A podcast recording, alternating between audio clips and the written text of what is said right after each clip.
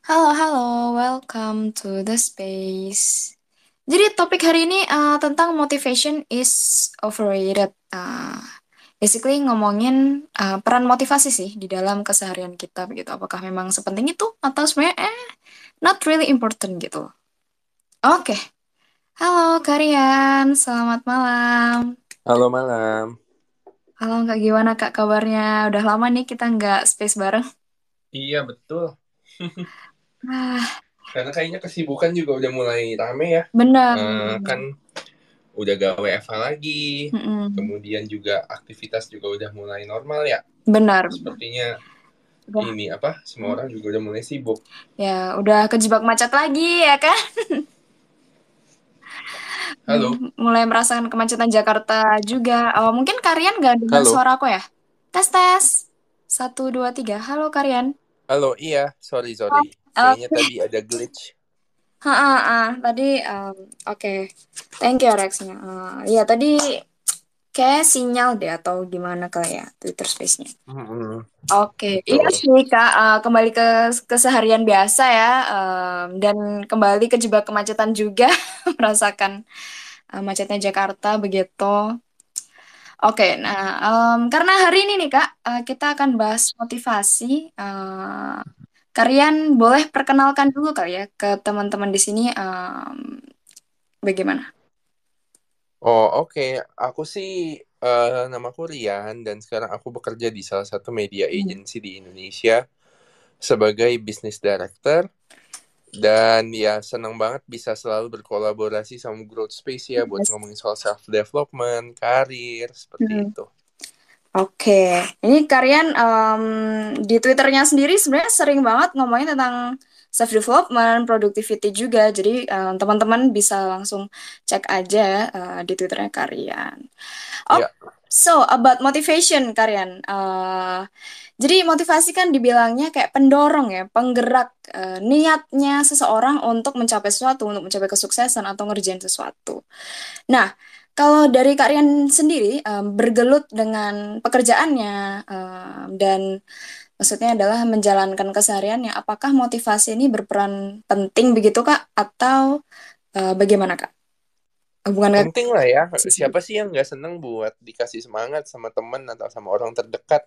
Ah, Ya, benar. pasti penting. Pasti yang kayak ya siapa sih gitu kan misalnya kayak orang kan selalu berpikir motivasi tuh kayak quote-quote kayak gitu ya gak sih? Iya, Kayak kayak dari ngeliat motivator gitu kan. iya gitu kan. Padahal kan sebenarnya motivasi tuh sesimpel kayak bos kamu datang ke datang ke meja kamu bilang, "Hey, you're doing a good job." Atau pacar bilang kayak semangat ya sayang hari ini. Orang tua bilang kalau pagi kerja, eh Tuhan berkatin ya gitu. Itu kan motivasi juga. Benar, benar. Ya, Eh, jadi eh, motivasi ya semangat lah em, yang ngebuat kita makin semangat untuk ngerjain apa yang kita lakuin kan. Nah, ya betul. tapi em, tapi biasanya orang tuh kalau misalnya nggak ada yang ngasih motivasi kan kalau kalian kasih contohnya kayak disemangatin orang dari eksternal lah. Nah, tapi kalau misal nih kita nggak ada yang ngasih motivasi nih kak dari eksternal, harus dari kita sendiri nih, tinggalnya sendiri gitu, kerjanya juga di rumah, eh, nggak ada yang ngasih feedback dan gimana-gimana. And how do we uh, keep our motivation up? And gimana sih? uh, kan kita nggak bisa kerja kalau ngumpulin niat dulu gitu loh. And gimana Oke. tuh, Kak? Waktu nggak ada motivasi eksternal. What do you do? Nah, satu ya kalau saya selalu percaya gini, kita kan makhluk eh, makhluk sosial ya, iya gak sih? Yes. Nah, akan gini, kita lahir memang sendiri, tapi kalau kita hidup sendiri, kita gak punya teman, kita abis itu nggak punya kayak support system, komunitas yang mendukung gitu, itu salahnya kita menurut saya. Karena Oh, iya kan, gitu kan. Karena ya balik lagi gitu kan. Eh, I think kita nggak bisa sukses sendirian, dan kadang sukses itu butuh support system. Nah, makanya kalau kamu ujung-ujungnya kerja sendiri, ngadepin masalah sendiri gitu, kamu nggak punya support system, menurut saya itu justru bahaya ya, gitu. Oke. Tapi gitu kan, saya selalu percaya gini, support system itu penting, semangat itu penting, tapi kalau kita mau sukses hanya mengandalkan itu, itu gak cukup. Ah, oke. gitu. Interesting. Karena ya balik lagi yang kamu bilang, nggak setiap saat teman kita bisa nyemangatin kita, nggak setiap saat orang tua kita ada buat nemenin kita gitu, ya nggak? Hmm. Makanya Benar. ya balik lagi harus kita yang semangatin diri kita sendiri, harus kita yang yang tahu nih gitu kan cara nge-cracknya untuk kita tahu oh ini lo sweet spot gue untuk gue sukses tuh gimana Hmm. gitu. Oke. And how do you, gimana Kak caranya kita nge-up motivasi itu? Kalau misalnya motivasi eksternal maybe nggak, mungkin ada tapi nggak membantu gitu loh. Mm-mm. Maksudnya kita yang semangat tapi dari kitanya kok, ah gue masih loyo-loyo banget gitu. And how do you, uh, cheat code-nya gimana sih kalian? Oke, kamu mau jawaban teoritis apa jawaban praktis? Um, praktis. Praktis. Kalau jawaban praktis punya cicilan. Wah, oke. Ini kayaknya pernah dibahas Bang John di story Enggak, juga enggak, ya. enggak bercanda, bercanda ya. Maksudnya itu itu bercanda gitu. Tapi sa- saya selalu percaya gini ya. Kalau kita selalu ngandelin mau kerja, mau apa pun ngandelin perasaan, Mm-mm. itu susah. Iya gak sih? Benar, benar, benar. Iya kan, yang kayak misalnya nih gitu kan. Saya tadi pagi berangkat kerja jam setengah delapan, nyampe kantor jam sembilan, pulang Mm. kantor tadi jam setengah lima, nyampe rumah jam enam, hujan, kehujanan, kena macet, terus mesti Mm. Twitter Space, ya gak? Maksudnya kayak I have a thousand reasons buat saya saat ini bilang sama kamu kayak, eh, gue capek, gue gak mau Twitter Space, ya gak?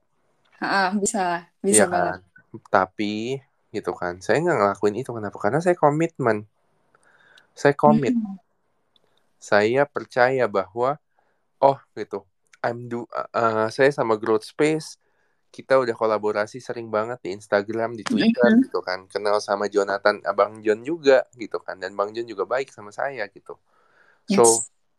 I commit gitu, I put a higher value di luar diri saya sendiri, ya kan? Gitu. Saya, Mm-mm. saya taruh motivasi yang di luar saya yang lebih yang bukan cuma ngomongin soal saya tapi ngomongin juga soal orang lain. Satu Hmm. jadinya jangan terlalu selalu bergantung sama motivasi. Tapi bergantunglah sama komitmen. Karena Komitmen. iya karena komitmen itu jauh lebih besar daripada motivasi. Badan kita mau semales-malesnya bisa kok disuruh buat jalan bisa kok disuruh buat gerak iya gak Iya, makanya setuju, komitmen setuju, itu selalu jadi faktor pendukungnya gitu. But that's the tricky thing ya, Kak. Komitmen tuh kan ada karena motivasi. Apakah benar atau mungkin kalian punya ini beda beda teori sendiri? Bagaimana, Kak? And how do we commit deh? Gimana? Hmm, menurut saya kalau misalnya ya motivasi ada kan eh komitmen ada karena motivasi nggak juga Nggak juga. nggak juga karena gini ibaratnya gini kamu kerja ke kantor kamu Mm-mm. mau kamu malas gitu Oke. tapi kamu tetap datang ke kantor. Itu komitmen apa Benar. motivasi? Komitmen iya nggak? Komitmen sih. Iya kamu pacaran gitu ya. Terus tiba-tiba pacar kamu lagi nyebelin gitu. Terus tiba-tiba yang kayak aduh kamu nggak punya motivasi nih buat hari ini datang ke rumah dia gitu. Tapi kamu tetap datang ke rumah dia. Itu komitmen iya nggak? Benar. gitu. Jadinya menurut saya motivasi itu bagus Mm. tapi kita harus punya komitmen agar diri kita tuh bisa melangkah lebih jauh gitu Oke, oke. Jadi lebih ke value ya, Kak. iya betul Eh, karena kita nilai yang kita pegang. Mm. iya karena kita menaruh sebuah value di luar hal-hal yang lebih tinggi daripada diri kita gitu Oke, oke. So, um, we have to fix our value juga kalau misalnya apakah lu mau jadi orang yang emang uh, leleh-lehan, bukan leleh-leleh, tapi um, orang yang keep breaking the promises atau orang yang tetap uh, stay, maksudnya tetap setia begitu loh pada janji-janji yang dibuatnya, pada komitmen-komitmen yang dibuatnya gitu. iya betul Oke. Oke, that's an interesting point. Ah, nah kalau misal nih Kak, eh, motivasi kita menurun begitu. And sebenarnya gini loh, kalau komitmen ini kan bisa beda-beda nih Kak. Komitmen pada pekerjaan, komitmen pada peran kita sebagai apa-apa-apa. Tapi gimana motivasi itu em, tetap ada em, perannya? Kalau misalnya kita mau uh, mengachieve sesuatu kak yang nggak ada hubungannya dengan apa pun tapi ke diri kita. Misal nih gue pengen uh, nulis buku. Gue pengen publish buku. Gue pengen tahun ini bisa publish buku. Dan itu kan gue nggak ada janji ataupun komitmen ke siapa pun. Ke diri gue sendiri doang nah itu how do we keep our motivation going and uh, tetap komit pada diri sendiri karya oke okay. nah saya makanya suka banget quote dari James Clear James Clear tuh kayak penulis buku tentang atomic habit gitu. Dia bilang gini, You do not rise to the level of your goals. You fall to the level of your systems. Your goal um. is your desired outcome. Your system is the collections of daily habits that will get you there. Jadinya hmm. kita tuh apa ya? Kita itu selalu gagal kalau kita tuh gak punya sistem atau disiplin. Hmm. Oh, Makanya daripada ngandelin motivasi, mendingan coba deh kita pikir, kita punya nggak disiplin? Disiplin untuk menjalankan hal yang memang pengen kita tuju. Contoh gampangnya gini, saya kasih dua nih ya di di pekerjaan sama di hidup gitu. Misalnya di pekerjaan, kamu mesti nyelesain uh, deadline gitu. Pekerjaan numpuk banyak banget gitu. Terus kamu datang ke kantor, hari itu kamu kena macet, males, iya gak? Mm. Terus jadinya kerjaan gak selesai. Beda kalau kamu komit dan disiplin kepada sistem yang kamu buat. Misalnya, oke, okay, saya nyampe kantor jam 9 sampai jam 11, uh, jam 9. Ya udah, dua jam pertama saya mau ngerjain yang kerjaan-kerjaan tuh yang susah-susah. Ya mm. atau kerjaan yang perintilan deh, misalnya kayak balas email, tanda tangan, ngecekin dokumen, cek tanggal, mm. dan lain sebagainya dua jam pertama saya habisin untuk itu habis itu saya mau istirahat nah habis itu saya baru ngosongin waktu di, di siang hari buat mikir hmm. that's system ya gak mm -mm. terus habis itu kamu cari tahu nih uh, kalau kamu baca buku You Do You-nya Alexander Ruby uh, banyak tuh gitu dikasih hack kayak misalnya kamu mesti tahu jam produktif kamu tuh jam berapa kapa, uh, hmm. kamu tuh tipenya apa gitu kan. Kalau misalnya belajar, apakah kamu tipenya yang mendengarkan atau kamu tipenya yang melihat atau harus diperagakan dan lain sebagainya. So I think you need to understand yourself gitu untuk membuat sebuah sistem biar kamu bisa disiplin. Saya adalah tipe orang yang sangat tepat waktu. Jadinya gitu kan, saya membuat sistem biar saya nggak lupa. Saya selalu kalau misalnya ada janji meeting bikin jadwal kalender gitu. Terus saya menerapkan sama diri saya kalau meeting, apalagi meeting di luar, macet-macet sekarang, saya selalu aim bahwa saya harus nyampe 15 menit pertama, 15 menit sebelum jam meeting. Oke. Okay. Nah, itu kan sistem yang dibangun, mm. ya gak? Mm -hmm. Oke, okay, gitu kan ya.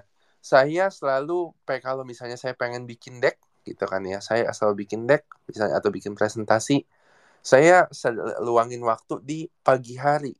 Biasanya jam 9 sampai jam 12. Jadinya saya bikin tuh kerangkanya, saya bikin tuh flow-nya, alurnya gimana.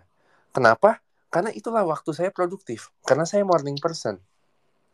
Ah. Sorenya, siangnya energinya udah low gitu kan ya. Ya udah mm -hmm. gitu kan. Itu waktunya kayak nyari-nyari gambar, nyari-nyari quote gitu. Ya kan? nyari-nyari apa yang perlu ditambahin gitu. So that's how you build your systems. Itu di pekerjaan. Contohnya gampang. Misalnya nih, kayak kalau di hubung uh, di hidup gitu. Misalnya relationship ya, baik itu hmm. antar teman atau sama pacar gitu. Kalian pasti akan ngebangun sistem. Oke nih gitu. Setiap malam kalau sama pacar, ya udah deh gitu kan. Siangnya tuh sibuk ya udah at least ngeluangin waktu satu jam setiap malam buat teleponan pagi setengah jam buat ngobrol buat starting your day hmm. setiap minggu sehari sekali datang gitu kan ke rumahnya minimal oh oke okay. kalau misalnya kayak gue lagi gak bisa gue kirim makanan gitu. di pertemanan oke okay nih gitu kan gue tahu kita masing-masing sama-sama sibuk tapi yuk sebulan sekali kita sempetin untuk reuni gitu untuk kita ngobrol itu kan semua sistem, ya enggak? Itu adalah hmm. kebiasaan yang kita komit untuk dibangun dan ditepatin. Nah, itu sebenarnya menurut saya ya. Oke, Ngomongnya gampang, jalaninya susah. benar. Karena um, more of like building habits juga sih sebenarnya.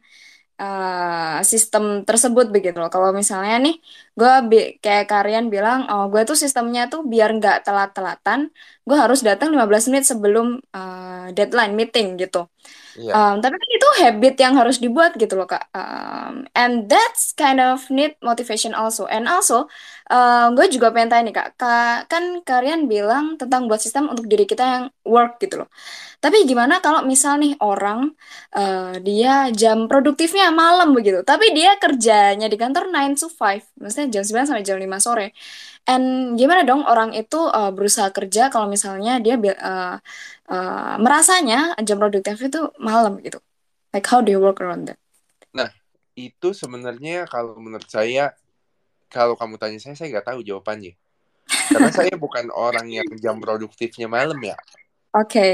Gitu, tapi mm -hmm kalau misalnya ngomongin soal disiplin, apalagi gak saya gini, saya nggak bisa ngomong tentang industri lain karena industri saya itu adalah industri marketing dan kreatif. Mm. Tapi saya selalu percaya gitu kan, kalau misalnya nih di industri kreatif, itu biasa kok orang untuk ngide malam-malam biasa banget. Yes. Makanya itu yang harus dikomunikasikan ke atasan, mm. ke tim kayak gitu. Oke. Okay. Oke oke. Jadi um, sebenarnya lebih balik lagi ke komitmen tadi ya kak. Kalau misalnya lu udah komit di job ya, you must do it no matter what gitu loh. Karena um, that's what build us as a person juga. Apakah kalau orangnya orang yang bisa komit atau tidak gitu. Nah, aku mau tanya nih kak, um, kan kalian terkenalnya ya, terkenalnya dan saya taunya juga um, uh, productive person lah. Maksudnya yang sistemik lah, sistematis, um, disiplin juga. Itu isu uh, sih biasanya ya Beraninya begitu lah ya karya. uh, uh, boleh tau gak sih what are the things yang ngebuat kalian tuh males atau motivasinya menurun begitu kak? Um, jujur aja saya tuh orangnya agak sensitif. Jadinya oh. kalau misalnya nih gitu kan ya lagi lagi gak enak perasaannya, abis itu lagi bete ya karena hmm. misalnya kayak ada masalah dalam hidup atau lagi kesel sama temen di kantor hmm. atau hmm. lagi bete sama suatu hal itu biasa ngeganggu saya banget sih. Oh, jadi mood swing juga dong ya? Dibilang mood swing enggak gitu kan. Enggak sampai yang kayak tiba-tiba emo gitu yang kayak duduk di pojokan diam gitu kan. Enggak sih. Uh. Tapi saya lebih yang kayak kalau ada yang dipikirin tuh kepikiran banget gitu. Yang oh, ngebuat kayak jadi kayak kurang produktif.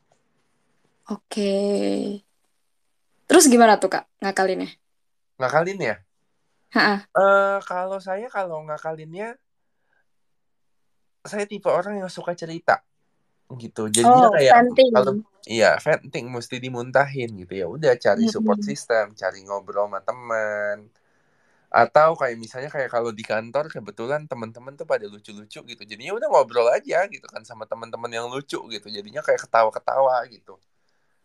Make yourself moodnya happy gitu. Atau kalau misalnya nih ya kadang-kadang kita tuh kalau kerja di kantor ya males gitu ya ya udah hmm. saya suka kerjanya di kafe gitu biar kita gak malas kayak gitu Oke, oke. Jadi ya tetap cari solusi dan cari cara lah ya biar kita um, bisa tetap lanjut untuk uh, kerja dan bisa produktif. Iya, betul. Oke.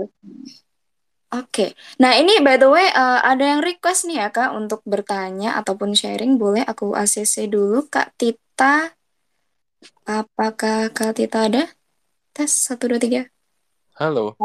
Halo Katita, apa Katita dah? Katita satu, dua, tiga. Oke. Oke, mungkin nanti Katita bisa langsung uh, ngomong kali ya kalau misalnya mau tanya. Oke, lanjut nih Kak. Um, sambil menunggu Katita.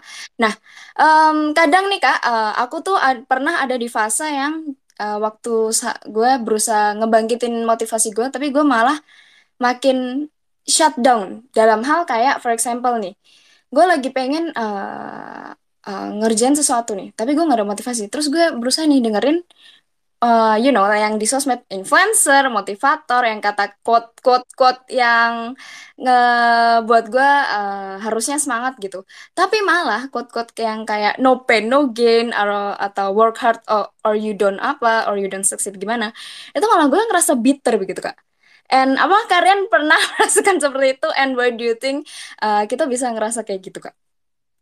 Jadinya apa? Bitternya kayak gimana tuh? Bitternya kayak gini kak. Gue um, uh, ngelihat nih, misal ada orang uh, ngomong kayak ngomong kayak uh, orang tuh harus gini gini gini biar sukses gini gini gini, for example. Hmm, hmm. And I felt like ah lu enak ngomong kayak gitu kalau gue gitu. Jadi Oh, so- jadi malah sensitif sendiri gitu loh. Padahal nggak ada yang uh, you know nggak ada yang uh, ngesinggol ngesinggung atau gimana oh, gitu. baper. Iya. Kalau saya sih gini, ibaratnya ya kalau misalnya di pertandingan, pertandingan bola gitu ya, Mm-mm.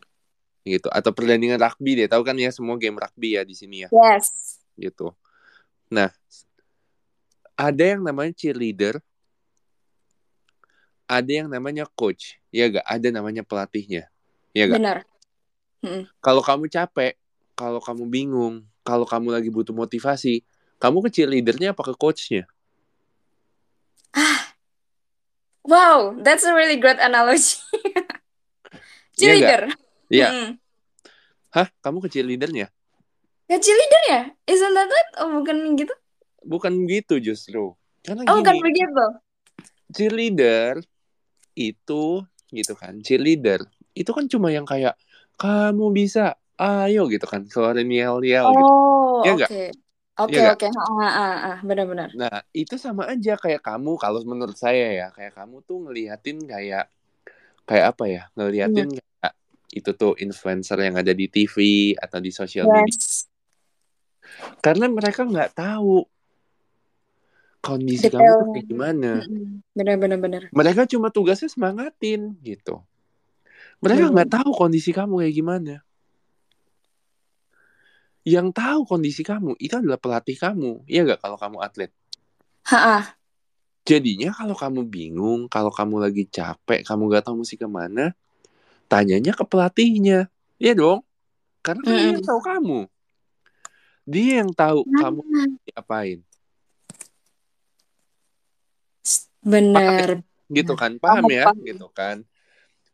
Yang ngejalanin kamu gitu tapi kalau kamu punya apa kalau kamu punya punya cheerleader eh kalau kamu punya pelatih gitu kan ya ke pelatihnya lah tanya aduh gue capek banget nih gitu pelatihnya cuma oh iya gue tahu nih lu capeknya kenapa ya udah lu duduk dulu deh sana 15 menit gitu kan pijit-pijit kaki lu kayaknya kaki lu jatuh tuh gitu Hmm.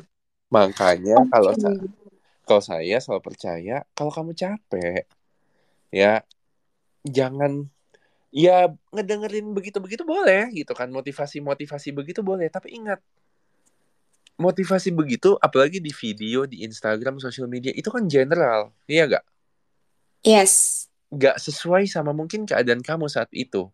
Jadinya mungkin ya kamu jadi ngerasa bitter. Ngerasa kayak ah elah bacot doang nih gitu kan. Yes. karena dia karena itu general. Tapi coba deh kalau misalnya kamu bertanya ke memang orang yang ngerti kamu orang yang paham kamu apa adanya komunitas yang support kamu itu pasti rasanya beda Hmm. makanya jangan sendiri dalam dalam apa ya makanya kan itu semangatnya growth space ya kan Benar. Iya bertumbuh tuh jangan sendiri gitu apa kalau lagi butuh motivasi lagi butuh dukungan ya kamu nggak bisa datang da- dapat dari diri kamu sendirian gitu Ah, bener banget tuh. Oke, oke, oke. Jadi em, cari seseorang yang bisa mungkin ngertiin kita lah ya, kurang lebih begitu. iya And betul find that support system. Nah, ngomong-ngomong support system, em, jadi buat teman-teman yang memang mungkin ah, butuh kali ya teman buat curhat atau teman buat eh, ngejalanin hobi bareng. Nah, actually Growth Space punya komunitas Kelurahan Sukamaju nih. Em, di Discord yang kalian bisa join aja, no registration, langsung aja join.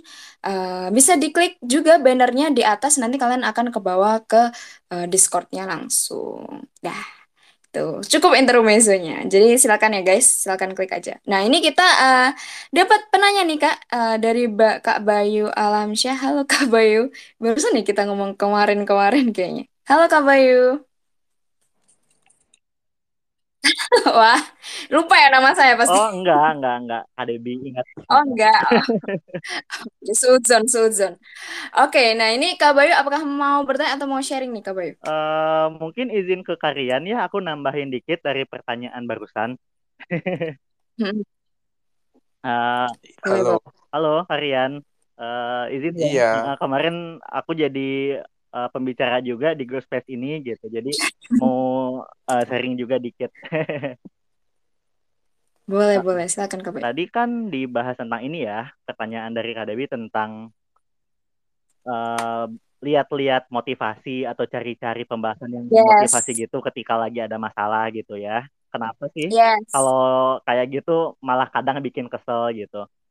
Eh, aku setuju sih sama yang disampaikan Karian tadi gitu. Kalau memang kita nggak bisa menjalani semuanya selalu sendirian gitu. Support system juga uh, bisa membantu kita untuk berkembang bersama dan bisa bikin kita juga nggak fokus sama hal-hal yang yang sekiranya bisa destruktif gitu kalau misalkan sendiri gitu. Kadang-kadang kalau sendiri pesimis gitu kan atau mungkin ya kita lagi self blaming atau gimana gitu. Tadi poinnya keren banget dan kalau nambahin dari aku sih emang gini, emang ini ya menurutku ketika kita berpikir kita itu mau mengenyahkan perasaan-perasaan uh, negatif atau emosi-emosi yang kita labeli negatif dalam diri itu seketika, itu kadang-kadang juga nggak selalu berdampak bagus gitu. Kan kita uh, sering anggapnya kalau kesedihan, kalau kemarahan, atau perasaan mungkin uh, tidak optimis, pesimis gitu, itu adalah hal yang jelek gitu ya, karena bisa bikin kita jadi buruk atau gimana gitu. Padahal sejatinya emosi-emosi tersebut juga ada manfaatnya gitu. Uh, kenapa sih kita takut gitu kan? Kita takut supaya kita punya persiapan, supaya kita bisa uh, punya plan untuk mempersiapkan segala kemungkinan gitu. Itu kan betul pertahanan diri juga dengan adanya rasa takut gitu dan perasaan hmm. uh, kesal gitu, perasaan mungkin iri atau perasaan kompetitif lihat orang lain itu juga manusiawi gitu loh karena uh, kita bisa lebih berkembang kalau punya emosi-emosi tersebut gitu. Jadi sebenarnya kalau misalkan kita lagi ngerasa unmotivated atau ngerasa uh, ya mungkin lagi nggak positif aja ya gitu, lagi bawaannya lagi gloomy, lagi kesal dan sebagainya gitu, nggak selalu langsung paksa diri untuk semangat ah gitu atau misalkan di manifest juga aku sering lihat nih di base base gitu. Suka ada yang aku lagi sedih tolong dong gitu. Uh, kasih aku hiburan kasih aku uh, apa namanya hal-hal lucu gitu. Padahal menurutku dengan kita menghormati perasaan tersebut kasih ruang untuk kita sedih atau perasaan untuk mungkin saat ini lagi unmotivated itu nggak apa-apa. Justru first step untuk bisa kita berdamai dengan perasaan-perasaan yang kita labeli negatif itu adalah dengan kita mengakui dulu perasaan itu nyata dan selanjutnya bisa kita uh-huh. hadapi gitu sih. Oke, okay, wow, thank you banget ya Kak Bayu. Oke, okay, the first step adalah uh, menerima kali ya um, perasaan-perasaan yang bitter, maybe negatif, maybe uh, biar kita bisa move forward, kah begitu? Yap, yang lebih kayak gitu. Thank you. Oke. Okay. Thank you banget Kak Bayu. Thank you, thank you. Thank you. Oke. Okay. Oke, okay, di sini ada penanya juga ataupun uh, mau sharing paling uh, Kak Anton boleh unmute? Uh, halo halo semuanya. Halo, halo Karian. Uh, di sini aku mau sharing sih karena temanya ini motivation is overrated ya. Mm motivation is overrated itu tergantung orangnya sih. Tergantung hmm. orang dalam menyikapi si motivasi itu. Ada kan orang yang menyikapi motivasi itu dengan semangat, ada yang kayak mikir lagi, tapi kalau motivasinya ini kira-kira cocok gak buat aku? Ada juga orang yang apa ya? Istilah katanya kecanduan sama motivasi. Nah, daripada motivasi ini dipakai buat kecanduan, biar kita kenapa kita nggak mulai aja dulu gitu ah. untuk melakukan kebiasaan baru untuk mengubah diri jadi pribadi yang lebih baik entah itu rajin bangun pagi rajin olahraga mengurangi sifat buruk kita juga mengurangi sifat-sifat buruk dan lain sebagainya. Menurutku Oke. itu sih kenapa motivation is overrated ya karena ada orang-orang yang dikasih motivasi itu berasa candu. Dia dari daripada terbuai mending mulai aja dulu. Oke, benar-benar Betul nggak? eh, lumayan Aku juga bisa salah sih. Cuma pendapatku seperti itu. Oke, jadi lebih baik jangan terlalu pikir panjang aja ya, eh, langsung mulai aja. Nah, ini aku jadi ada pertanyaan unik nih untuk Kak Rian. Nah, Kak, em, apakah Kakak sadar gitu ya, eh, kadang orang itu em, menggunakan motivasi ini sebagai dalil atau alasan untuk not, you know, eh, get to work atau nggak um, nggak mulai ngerjain sesuatu untuk nge-achieve a goalsnya. Like, eh, iya gue nggak motivated nih, gue harus ngumpulin niat dulu begitu. And why do you think uh, hal kayak gitu terjadi gitu, fenomena ini terjadi kayak gitu? Maybe do you think like people terlalu mengglamorize maybe uh, motivasi itu tersendiri Karian? Iya sebenarnya ya saya nggak tahu sih Eh, karena saya juga mungkin apa Bayu yang mental health like eh, enthusiast lebih tahu ya gitu kan soal ini gitu. Tapi katanya ya gitu kan manusia itu kan butuh dopamin. Ya gak? Hormon dopamin yang bikin Oh, happy, euforia gitu. Dan kadang-kadang Betul, betul, ya dopamin. ya dopamin itu kan datangnya kan dari ya motivasi lah, dari mm-mm. Perasaan happy gitu. Makanya kan sekarang tuh ada yang apa ya bilangnya ya, yang kayak gimana caranya kamu tuh eh, dopamin fasting gitu, sosial media di di di bukan dia di apa tuh namanya Puasa. di, ya puasa sosmed lah, Mm-mm. inilah itulah gitu kan. Ya balik lagi ya, saya selalu ngerasa apa pun yang berlebihan itu tuh gak bagus. A right dose amount of motivations is good, but if it's too much, it will kill you karena kamu jadi ketergantungan. Nah, Oh.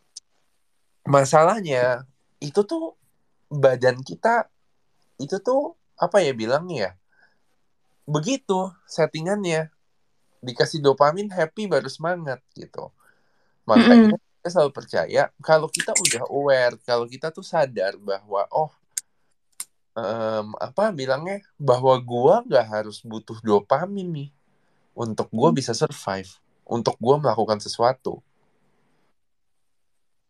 Makanya itu yang harus di harus yang dirubah mindsetnya dari mindset kayak oh ya saya butuh motivasi untuk saya bisa bekerja mindsetnya jadi kayak mau ada motivasi kayak mau mau mau gak ada motivasi mau ada geledek mau ada banjir gitu kan. Kalau misalnya kayak gue pengen ngelakuin sesuatu yang gue akan lakuin. Nah saya gak tahu secara saintifik saya juga gak tahu secara psikologis tapi saya percaya itu jauh lebih efektif daripada nggak ngandelin dopamin atau motivasi. Again balik ke komitmen. And aku jadi ini nih um, sadar kalau misalnya oh ya benar juga sih. Kita mungkin ketergantungan sama perasaan yang perasaan semangat semangat itu sendiri. Makanya waktu di awal tahun yang kayak kita semangat banget buat revolusi, gue kayak gue yakin gue tahun ini akan berubah gitu. Tapi with that no action at all, just tulis, abis itu kita tinggalin gitu loh. Like um, semangat di awal, tapi nggak di konsistenin gitu uh, throughout the journey gitu.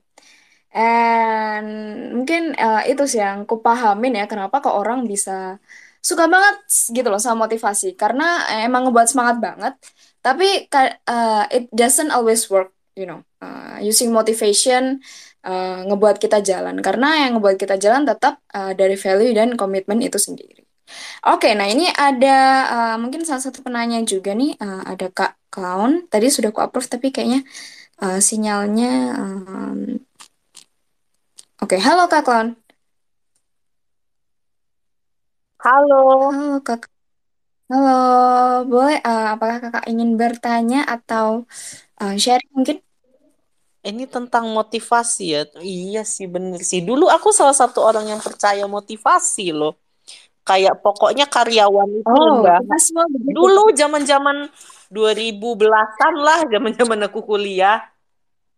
Heeh. Pokoknya eh, karyawan karyawan dulu punya pengen kayak motivasi pengen jadi pengusaha gitu. Pokoknya karyawan itu nggak level lah, ngapain kerja Mm-mm. sama orang. Kayak gitu dulu. Ah. Setel- setelah sekarang, setelah aku pikir-pikir, kayaknya karyawan juga nggak apa-apa. Ah. Selagi menghasilkan, kenapa nggak dijalanin aja? Oke, jadi awalnya bermotivasi maybe uh, jadi bos gitu ya, pengusaha gitu. And then uh, sekarang setelah dipikir-pikir, oh ternyata gue karyawan juga oke-oke aja. Mungkin terblindly, uh, terbutakan gitu ya kak atas uh, mungkin uh, persepsi-persepsi yang kakak punya kayak gitu kak. Iya betul, betul betul. Dulu punya Oke. apa ya motivasi pokoknya. Eh, ini berhubungan dengan motivasi lagi. Pokoknya umur 25 harus punya 100 juta pertama. Setelah ku ini ini aku nggak enjoy ya. Aku kayak jadi nggak enjoy Oh. gitu loh ngeluarin duit seribu aja pelit banget sekarang kayak ya nabung gitu. cuma kayak ya ya udahlah kita sambil nikmatin kayaknya makan di eh, Ichiban apa di OKG nggak apa-apa deh kayaknya makan di Yoshinoya sesekali nggak apa-apa deh nonton bioskop ya udahlah gitu Oke. Oke, sendiri oke. Jadi um, waktu awal begitu Kak, uh, waktu Kakak dapat motivasi itu yang menggebu-gebu ya, um, kayak 100 juta per tahun kayak gitu. And when do you realize kayak oh ternyata ini nggak bisa di-maintain nih Ya, nggak- uh, hal-hal seperti ini. iya. Itu begitu prosesnya dari. Iya betul, nggak masuk akal. Ternyata ya mungkin gara-gara banyak apa itu namanya influencer gadungan, crazy rich itu ngaruh loh. Apalagi zaman pandemi, Oh, benar benar benar. susah nyari duit. Ah, benar benar benar benar. Ah, ini hmm, agak interesting nih. Uh, ini juga yang pengen gue gue address juga. Kayaknya kita kadang itu um, terlalu ngelihat ke atas, bukan ke atas, keluar kali ya. Ya. Terlalu ngelihat keluar and without like uh, ngelihat diri kita sendiri gitu loh. Apakah emang gue uh, relate dengan perkataan orang tersebut? Mungkin orang uh, bisa kayak you know uh, crazy rich apalah yang um, ngasih pesan-pesan yang menggebu-gebu kayak lu harus ini, lu harus itu. Kalau enggak lu nggak sukses, kalau enggak um, itu kayak kita terlalu percaya aja like tanpa uh, filter uh, cuma-cuma Uh, dan itu ngebuat kita makin ah feeling apa ya down gitu kali ya Mm-mm. feeling down terus kayak oh terus baru nanti nantinya di akhir baru sadar nih oh ternyata ini nggak baik gitu loh maksudnya me- mempercayai atau mengikuti perkataan-perkataan uh, motivator uh, influencer di sosmed juga jadi kita again yang katanya Kak Rian kita harus nge-build system that works for us bukannya uh, melihat orang uh, sistemnya orang lain karena itu buat mereka dan uh, kita buat kita gitu. Iya. Oke. Thank you so much Kak Kla sharingnya. Oke, uh, maybe uh, last question kali ya uh, untuk Kak Rian nih. And gimana sih Kak? Kan tadi Kakak bilang tentang commitment and self-discipline gitu. Um, cara untuk ngebangun nih Kak, uh, kedisiplinan uh, versi Kakak itu kayak gimana? And also and porsinya motivasi dan porsi self-discipline and commitment itu seberapa sih? Seberapa besar di kesuksesan? Gitu. Hmm, Lanjut. kalau saya sih ngelihatnya Hmm? ngebangun disiplin tuh kayak gimana ya? Hmm, kak, gini, setiap orang tuh pasti beda-beda ya, gitu. Mm-mm. Tapi saya tuh orangnya visual. Oh, Jadinya gitu kan, yang tadi saya bilang gitu kan, saya selalu belajar untuk menaruh value di luar diri saya yang lebih tinggi daripada saya sehingga saya itu tuh punya punya sesuatu yang memang saya kejar. Jadinya saya hargain, makanya saya berkomitmen dan disiplin. Hmm. Itu tuh bisa banyak hal gitu. Lu mau beli rumah, lu mau jalan-jalan, lu mau ini gitu kan. Lu mau bisa bagian orang tua, lu one day mau jadi pemuka atau lu mau jadi influencer gitu. Kalau saya saat Mm. Jadinya saya tempel. Ininya apa? Mimpinya. Di mana? Di Hmm. di meja kerja. Saya tempel. Ininya apa? Eh ya taruh di gambar Goals. handphone gitu Mm. goalsnya gitu kan ya. Ya kan jadinya begitu kayak kita buka handphone oh iya ngeliat tuh foto. Kita duduk di meja kerja ngeliat tuh foto gitu. Mm-mm. karena kita harus mendesain kan.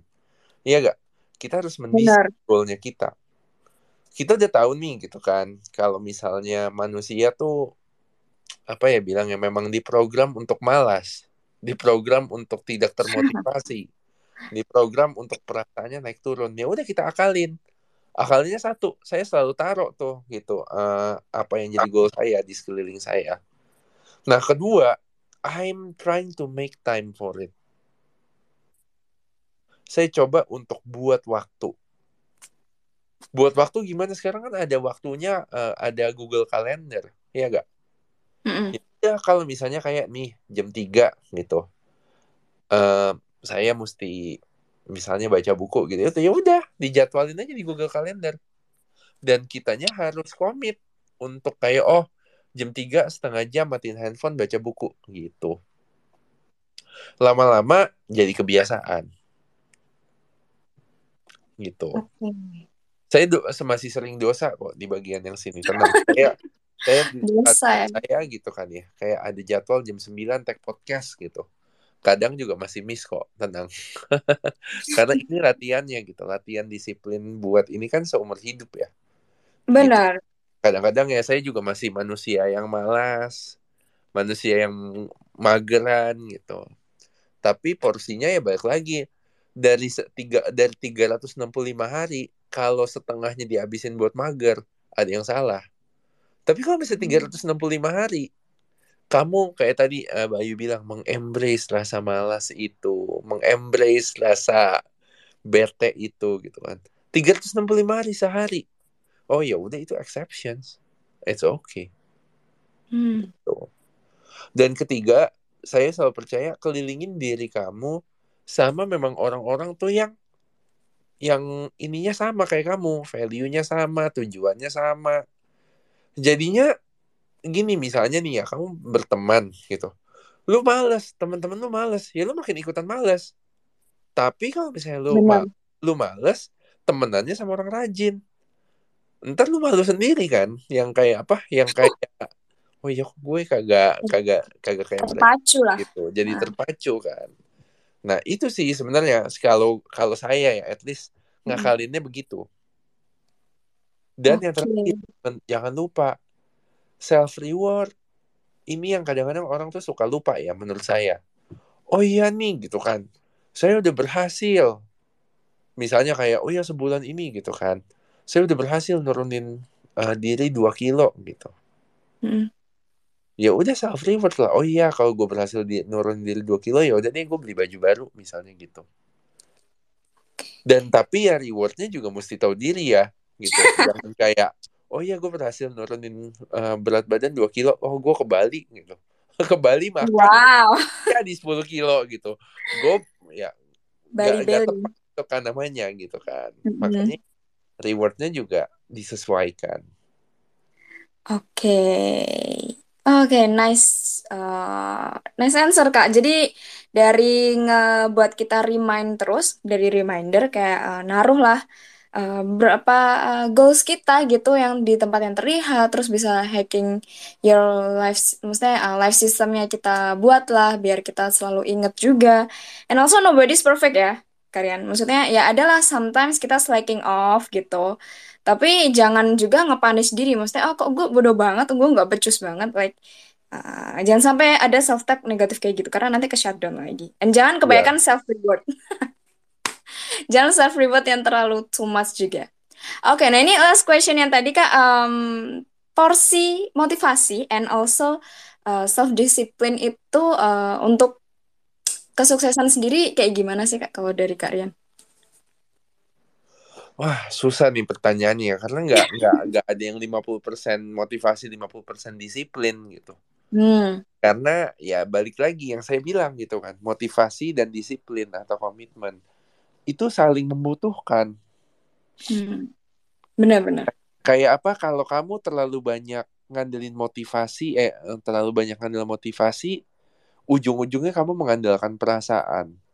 Tapi kalau kamu terlalu disiplin, hidup kamu jadi capek. Kayak tadi misalnya Mbak Clown bilang kayak, oh iya, ujung-ujungnya jadi keluarin duit seribu perak aja tuh kayak merasa bersalah gitu kan. Gak enjoy kan. Yes.